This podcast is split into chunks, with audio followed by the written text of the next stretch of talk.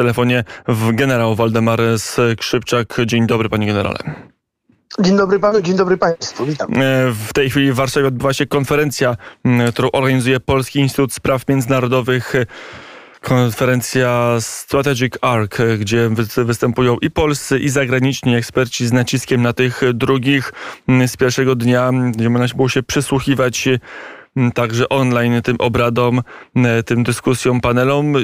Przeważająca, przeważająca liczba ekspertów twierdzi, że Rosja wyczerpuje swoje możliwości ofensywne, że rosyjska armia za chwilę, za kilka tygodni, za dwa, trzy tygodnie będzie musiała przejść do całkowitej defensywy. Pan generał się zgadza z takimi ocenami? Nie, nie zgadzam się. Rosjanie wyprowadzili z terytorium Ukrainy trzy armie, które odtwarzają zdolność bojową yy, uzupełniają sprzęt, uzupełniają zapasy amunicji, uzupełniają stany osobowe. Rosjanie prowadzą skrytą mobilizację, sięgają po głębokie rezerwy. Terytorium Rosji jest ogromne, zasoby ludzkie są również ogromne, więc mają z czego czerpać i pewnie czerpią z tego cały czas. Rosjanie e, w ciągu kilku tygodni, kilku tygodni, może nawet kilkunastu tygodni, e, tymi armiami e, stworzą zdolność bojową. Y, te wojska, które są na terenie Ukrainy, które walczą w tej chwili, y, szczególnie w rejonie Łuku Donbaskiego, rzeczywiście one już y, wykazują znamiona zmęczenia, wyczerpania bojowego i tempo ich działania jest bardzo ograniczone, ale to tylko jest odcinek jeden frontu. I nie wiem skąd ten optymizm ekspertów przed tej konferencji, no ale to jest, bym powiedział, przesadny optymizm. I z wojskowego punktu widzenia to, co się w tej dzieje na Ukrainie jest moim zdaniem kontynuacją wcześniej zaczętych operacji i tak jak e, mówiłem wcześniej, e, te operacje się wyczerpują przez to, że te wojska rosyjskie się wyczerpują i one tak już de facto wzdłuż całego frontu przechodzą do obrony z obowiązkiem kilku kierunków na północ i na wschód od łuku donbaskiego. E, natomiast mnie niepokoi cały czas to odtwarzanie zdolności bojowej pierwszej Armii Pancernej Gwardii, która w rejonie Kurska się odtwarza, rejonie Briańska 20 armia i prawdopodobnie na teren Białorusi od kilku tygodni przegrupowują się siły i środki drugiej armii gwardii z Centralnego Okręgu Wojskowego. Jednocześnie 58 armia z południowego okręgu wojskowego, która jest na wschód od Hersonia, również odtwarza zdolności bojowe, ściągają zapasy ludzi, wojsko, które już gromadzili od jakiegoś czasu w południowym okręgu wojskowym. Zatem E, e, uważam, że jeżeli ktoś mówi, że Rosja, Rosja się wyczerpuje, to mówi tylko w odniesieniu e, tych wojsk, które walczą na froncie na Ukrainie. Natomiast nie dostrzega tego, że w tej chwili część wojsk rosyjskich, które wyszły z terytorium e, Ukrainy, otwarza zdolność bojową. I teraz pytanie, jakim zamiarem? Więc ja tu widzę dwie możliwości. Pierwsza możliwość, e, najbardziej bezpieczna, czarny scenariusz, to próba podjęcia kolejnego wysiłku, żeby uderzyć być może poprzez Karnichów na Kijów, czyli kierunku wschodniego, północnego wschodniego i od północy Białorusi kierunek pomocniczy przez wykonanie drugiej armii, bo ta druga armia to niewielka siła, to są trzy brygady zmechanizowane zaledwie, ale są świeże siły. To jest ten czarny scenariusz. Drugi scenariusz to być może wzmocnienie obrony sił, które w tej chwili walczą o utrzymanie zdobytego terytorium Ukrainy. Jeżeli te siły przychodzą do obrony, to wojska, które się e, w tej chwili reorganizują, to byłyby po to, żeby tę obronę wzmocnić i do, nie dopuścić do kontrofensywy e, ukraińskiej zapowiadanej przez rząd ukraiński na przełomie czerwca i lipca. Dlatego też jestem raczej tu bardzo, bardzo ostrożny. Ja zawsze byłem e, optymistą, przepraszam. Zawsze mówiłem z nadzieją, że Ukraińcy wygrają, ale e, z wojskowego punktu widzenia pesymizm nie może być pozbawiony ostrożności, przepraszam, optymizm nie może być pozbawiony ostrożności i rozwagi wojskowej, operacyjnej. I tak to oceniam. Dlatego też proszę zwrócić uwagę na to, co Rosjanie dalej planują i czym mogą jeszcze y, działać, mając w wodzie kolejne siły. E, to też jest ten głos, który może się pojawić, że za wcześnie składamy rosyjskiego niedźwiedzia do grobu, że on być może jest ranny, być może krwawi, ale zachował istotne elementy swojej potencji wojskowej. Powiedział pan o tym odtwarzaniu się od pierwszej gwardyjskiej armii pancernej, jednej z najbardziej elitarnych jednostek na tym szczeblu operacyjnym wojska rosyjskiego pytanie, czy mogą od, odtwarzać, bo mówi się, że ten najlepszy sprzęt pancerny już na Ukrainę pojechał i tam w większości został zneutralizowany, że to, co przyjdzie w drugim rzucie, to już będą czołgi czy wozy bojowe piechoty znacznie niższej jakości. Jak to może wyglądać? Tak, zdecydowanie tak. Na pasach wojennych e, Rosjanie mieli sprzęt starszej generacji. Mieli tam niemodernizowane czołgi T-72, mieli BWP-1, BWP-2 też, e, mieli haubice Akacja 152. Sięgałem po sprzęt, który mieli w zapasach. Ten sprzęt przez wiele, wiele lat nie był e, właściwie konserwowany, nie był właściwie utrzymywany. Więc teraz Rosjanie zwielokrotniają wysiłki, żeby ten sprzęt sprawny dotarł na linię frontu. I są taka mobilizacja e, u Rosjan wielka, wielkie wysiłki, żeby tę armię otworzyć, bo oni się tak obawiają mimo wszystko, że mogą tę wojnę przegrać. I dlatego też takie wysiłki czynią, żeby mieć podwody, które mogą w sytuacji rzeczywiście ofensywy czy kontrofensywy ukraińskiej zagrozić wojskom e, rosyjskim na terytorium Ukrainy. Dlatego też zwracam uwagę na to, że wojna trwa, w ocenie wojskowego y, sytuacja operacyjna wcale nie jest łatwa i nie jest oczywista, jest zawsze skomplikowana, dopóty nie będzie ostatecznego rozstrzygnięcia. A tego rozstrzygnięcia jeszcze nie było, bo wcale nie jest rozstrzygnięciem to, że Ukraińcy mają teraz inicjatywę operacyjną. Ja bym zalecał niektórym ekspertom y, pouczenie się, co to jest sztuka operacyjna i odróżnienie sztuki operacyjnej od taktyki, bo niektórzy mylą pojęcia y, taktyczne do poziomu taktyki z poziomem operacyjnym i strategicznym. Nie wolno tych błędów popełniać, bo te błędy powodują to, że na tej konferencji, jak pan wspomniał, wszyscy zwieszczą koniec tej wojny i, i katastrofa Rosjan. Nie. Trzeba być bardzo ostrożnym i nie spieszyć się ze zwycięstwem. E, tak jak to niedawno media ogłosiły, chyba wczoraj, że Mariupol padł i że Rosjanie zdobyli Mariupol. A ja zadam pytanie, też panu, czy pan coś słyszał o kapitulacji, kapitulacji Mariupola? i o kapitulacji Azowstalu. Otóż nie, nawet dzisiaj jest informacja, że e, na terenie zakładów Azowstal cały czas pozostają i e, działają jednostki ukraińskie. Panie redaktorze, więc media wczoraj ogłosiły, że Rosjanie zdobyli Mariupol. Ja zadałem sobie pytanie, w jaki sposób to zrobili, skoro dowódca pułku i, i, i nie ogłosił kapitulacji. Czyli, że, że, że to wojsko, które poszło do niewoli, to byli żołnierze, którzy poszli do niewoli w wyniku czego nie kapitulacji, a przerwania ognia. Dlatego, że były naciski polityczne i dyplomatyczne, żeby tych najciężej rannych, poszkodowanych wyewakuować żołnierzy. I na to była zgoda obu stron. Stąd to zawieszenie broni, ale nie kapitulacja, nie poddanie Mariupola. Mariupol dalej walczył będzie. Dodam jeszcze jedną rzecz bardzo ważną. Media podały również informację taką, że z Kijowa padł rozkaz, żeby się poddać i pójść do niewoli. Nic nie wierzę w to, że ktokolwiek z wojskowych taki rozkaz mógł wydać, bo nie ma takiego dowódcy, który by kazał innemu dowódcy się poddać i pójść do niewoli.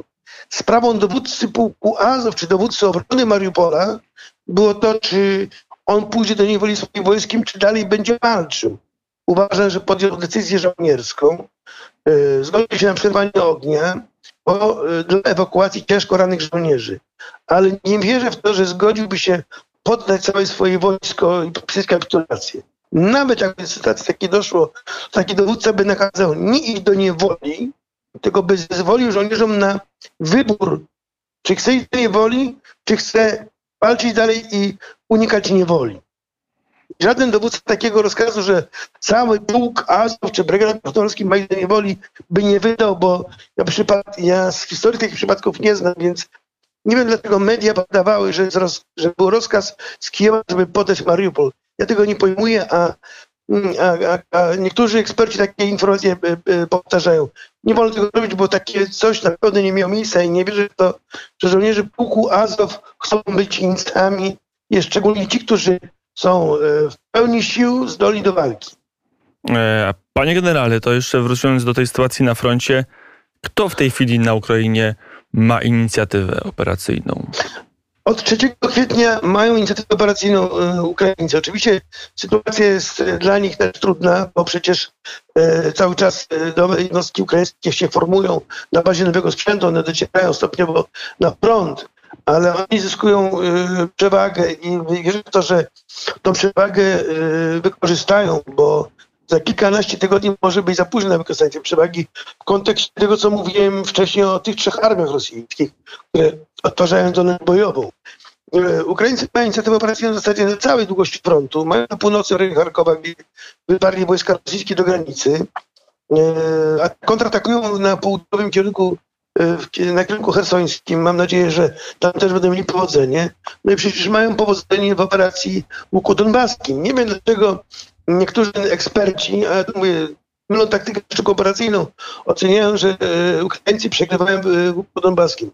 Oni nie przegrywają. Oni prowadzą operację obronną puśniającą, wykrwawiając stopniowo wojska rosyjskie. I taka jest istota tej operacji w łuku donbaskim, że tam Rosjanie mają e, polec, tam mają stać największy swój potencjał, żeby nie móc później kontynuować operacji. I ta operacja, poza tym, że jest obronną puśniającą, jeszcze mocno wiążącą i wytracającą e, armię rosyjską. I na tym polega sztuka operacyjna, sztuka wojenna.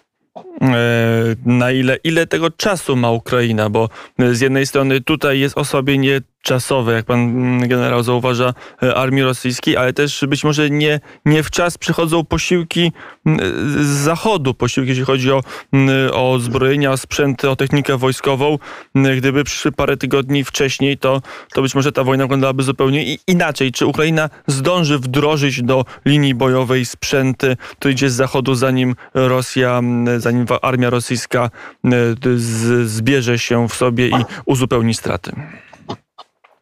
Faktem jest, y, ma pan rację, pomoc y, ta broń ofensywną y, do Ukrainy przychodzi bardzo późno. Mam nadzieję, że jednak Ukraińcy zdążą z tą bronią na front, że te wojska, które oni informują, na front na czas dotrą. Ukraińcom zostało kilka tygodni, moim zdaniem. Jeżeli w ciągu tych kilku tygodni wykorzystają sytuację i będą wypierali obitych, przecież mocno potropowanych mocno Rosjan, to e, być może e, sytuacja zmieni się na korzyść Ukraińców, ale tak jak panu powiedziałem wcześniej, czekam przed tym, co się szykuje na północy Ukrainy. Dlatego też trzeba wielokrotnie wysiłki w pomocy dla Ukrainy. Trzeba podjąć wszelkie działania, możliwe działania, dostępne działania, które wzmocnią armię ukraińską. Tym bardziej, że według szacunków Ukraińców na Ukrainę przybyło w ostatnich dwóch miesiącach ponad pół miliona y, mężczyzn zdolnych do noszenia broni, więc trzeba ten potencjał wykorzystać żeby tym potencjałem wyposażonym y, broń, która z zachodu, y, rozbić wojska rosyjskie. I powtarzam, Ukrainie zostało kilka tygodni, bo za kilka tygodni sytuacja, jeżeli chodzi o stosunki sił, zmieni się na korzyść Rosjan. Mm, e, na ile Rosja będzie miała siłę, żeby przełamać obecną linię obrony, że ona się nie poruszy, bo te walki pokazując chociażby e, próbę sforsowania Dońca Siewierskiego pokazują, że no, Rosjanie w tym podstawowym sprzęcie nowocześniejszym no, nie mają siły, która byłaby gotowa w stanie przełamać obronę ukraińską. W istocie Ukraińcy się potrafią bronić, mają te rejony, szczególnie e, łuku donbaskiego, o czym mówimy od kilku miesięcy u pana, że tam mają doskonale przygotowaną obronę, głęboką obronę, ufortyfikowaną obronę i ta obrona e, nie daje się, nie udaje się Rosjanom tej obrony przełamać. E, Siewierski Doniec i forsowanie Siewierskiego Donieca to jest zupełnie odrębna sprawa, co składam na karpy samego poziomu wyszkolenia dowódców rosyjskich, bo forsowanie Donu, widzimy na zdjęciach, gdzie została pobita batalionowa grupa bojowa, jest takim klinicznym przykładem nieudolności w dowodzeniu dowódców. Zasadą jest, że przy forsowaniu, i widzieliśmy na zdjęciach zresztą most zerwany, prawda? E, więc zasadą jest przy forsowaniu, że zanim się buduje most, to trzeba zbudować, trzeba opanować na przeciwległym brzegu, brzegu, brzegu przeciwnika, przyczółek na tyle głęboki, że przeciwnik nie mógł prowadzić ognia na lustrowody, czyli na obiekty na, na, na wodzie, czyli most w tym przypadku, ognia obserwowanego. Ukraińcy cały czas, mając drony w powietrzu, prowadzili ogień obserwowany e, na lustrowody. I co dodam jeszcze jedną rzecz bardzo istotną. Ukraińcy wiedząc o tym, że w tym miejscu będzie przeprawa wojsk rosyjskich, a zawsze w rejonie przeprawy się kupuje masa wojska i to widać zawsze, że jest to zmasowanie sprzętu wojskowego, bo chce przekona, pokonać przeprawę szybko. Ukraińcy zgromadzili artylerię taką, w takiej sile, że po wykryciu tego, że już ten jest czas, żeby to uderzenie artylerią wykonać, wykonywali kilka zmasowanych nawał ogniowych, które zdemolowały i przeprawę, i wszystek sprzęt, który był w rejonie, zabijając około 400 żołnierzy rosyjskich. To był majsterczyk ukraiński, a jednocześnie ewidentny przykład nieudolnego dowodzenia organizowania walki przez dowódców rosyjskich. Stąd ta klęska. I stąd te straty. Na ile armia ukraińska w tej chwili, na którym kierunku powinna atakować? Gdzie się rozegra, o ile dojdzie do ofensywy wojsk ukraińskich, to gdzie ta ofensywa powinna przebiegać i gdzie się rozegra kluczowy, kluczowa bitwa tej ofensywy? Moim zdaniem Ukraińcy powinni trzymać w wojska, które są w rejonie Łuku Donbaskiego, wyczerpywać cały czas, pozbawiając je zdolności bojowej. Wojska, które są na północ od Charkowa, które doszły do Sibirskiego Dojca, powinny przejść do obrony i trzeba tam szykować się do obrony przed uderzeniem od północy. I tam powinny być też odwody rosyjskie, które, przepraszam, ukraińskie, które powinny przygotować się do obrony przed uderzeniem od północy. Czyli takie miasta jak Cumy, Konotow, Czarnichów czy Kijów powinny być cały czas gotowe do tego, żeby się bronić. Natomiast moim zdaniem główny wysiłek e, uderzenia czy kontrofensywy ukraińskiej powinien być skupiony na południu, na odbiciu Hersonia, wyparcie e, Rosjan za Dniepr i uderzenie w kierunku na Krym. Odcięcie podstawy operacyjnej Rosjan i jakby okrążenie ich od południa, zamknięcie ich w tym kotle między Donieckiem a e, Zaporożem i Krymem. I e, po, potem stopniowe ich rozbijanie.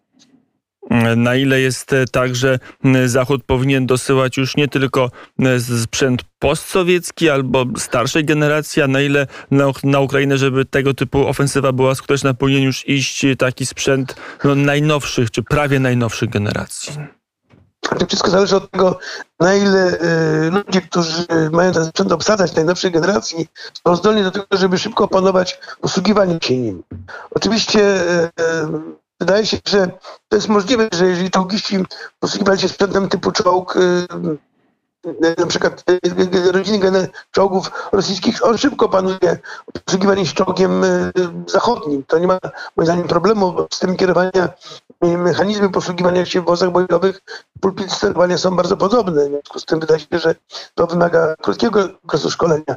Uważam, że tak pewnie jest, że proces przygotowania jednostek wojskowych w oparciu o sprzęt nowszej generacji, zachodniej generacji trwa i że te jednostki stopniowo będą osiągały zdolność bojową i będą kierowane na front. E, kiedy je ujrzymy na froncie, nie wiem, bo to wszystko zależy od dowódców ukraińskich, ale jestem przekonany, że oni formują te jednostki i oni te jednostki będą wysłane na front stosownie do swojego planu operacji, czyli wydaje się, że wykonanie uderzenia na południowym kierunku, jednocześnie osłony północnych granic y, Rosji przed uderzeniem tych armii, które są grupowane na północy od Ukrainy, bo też odwody na tym kierunku Ukraińcy mieć muszą. E, to jeszcze na sam koniec e, wizja ewentualnej kontrofensywy rosyjskiej. E, kiedy Rosjanie mogliby otworzyć jakieś nowe natarcie? Pan generał w naszej rozmowie mówi o tych informacjach dość enigmatycznych, no ale przychodzących z Białorusi, być może także z północnego odcinku granicy rosyjsko-ukraińskiej. Rosja jest gotowa raz jeszcze otworzyć front północny w tej wojnie? Moim zdaniem tak i takie są zamiary Rosjan, e, a głównie to przede wszystkim, że chcą te ziemie, które zdobyli Ukrainie e, utrzymać za wszelką cenę i nie oddać Ukrainie, bronić ich właśnie między innymi informacjami, które formują, a jednocześnie być może wykonać uderzenie od północy po to, żeby wzdłuż Dniepru te wojska, które ukraińskie będą zgromadzone w, między Dnieprem a Ługańskim Donieckiem, żeby nie ponownie chcieć okrążyć, bo o tej pory to okrążenie im Łuku Donbaskiego nie wychodziło, choć wielu, choć wielu ekspertów naszych mówiło, że to jest po przegranej bitwie. Od początku mówiłem, że się nie uda. Ale do czego zmierzam? Zmierzam do tego, że za kilkanaście tygodni Rosjanie będą gotowi. Dlatego teraz, teraz jest czas dla, gra dla Ukraińców. Ukraińcy powinni ten czas wykorzystać. E, zostało Ukraińcom moim zdaniem kilka tygodni. Rosjanie mają jeszcze kilka tygodni i za kilka, kilkanaście tygodni, przepraszam, będą gotowi do wykonania e, tego działania, czyli albo uderzenia od północy, albo wzmocnienia sił, które bronią terenów zdobytych w, ramach e, operacji, którą rozpoczęli 24 lutego. Mm, to jeszcze na koniec mm, ofensywa na północy to jest ofensywa, która mogłaby w swoich celach mieć także zajęcie Kijowa? Być może tak, tak może być, że Rosjanie będą chcieli mimo wszystko e, osiągnąć jakieś zwycięstwo i dla nich e, zamiarem pierwotnym było zajęcie wschodniej części Ukrainy, to nie wyszło. Jeżeli oni uznają, panie redaktorze, że ten potencjał, który mają jest, jest wystarczający do tego, żeby e, tą wojnę zakończyć zwycięstwem, to, wykona, to podejmą taką decyzję. Choć moim zdaniem e, ten potencjał tych armii odtwarzanych już nie będzie tak doborowy, tak elitarny i tak doskonale technologicznie e, zaawansowany sprzętem, jak to było 24 lutego. Zatem będą te decyzje pewnie, pewnie obciążone e, wielkim ryzykiem, e, jeśli chodzi o Rosjan, więc być może raczej przejdą do obrony tych terytoriów, które, które zdobyli, bo uważam, że e, jednostkami odtwarzanymi, jeżeli chodzi o zdolność bojową, wykonywanie dużych operacji moim zdaniem jest niecelowe. E, Powiedział generał Waldemar Skrzypczak, były dowódca wojsk lądowych e, Sił Zbrojnych Rzeczpospolitej. Panie generale, dziękuję bardzo za rozmowę. Dziękuję bardzo, pozdrawiam, spokojnie życzę.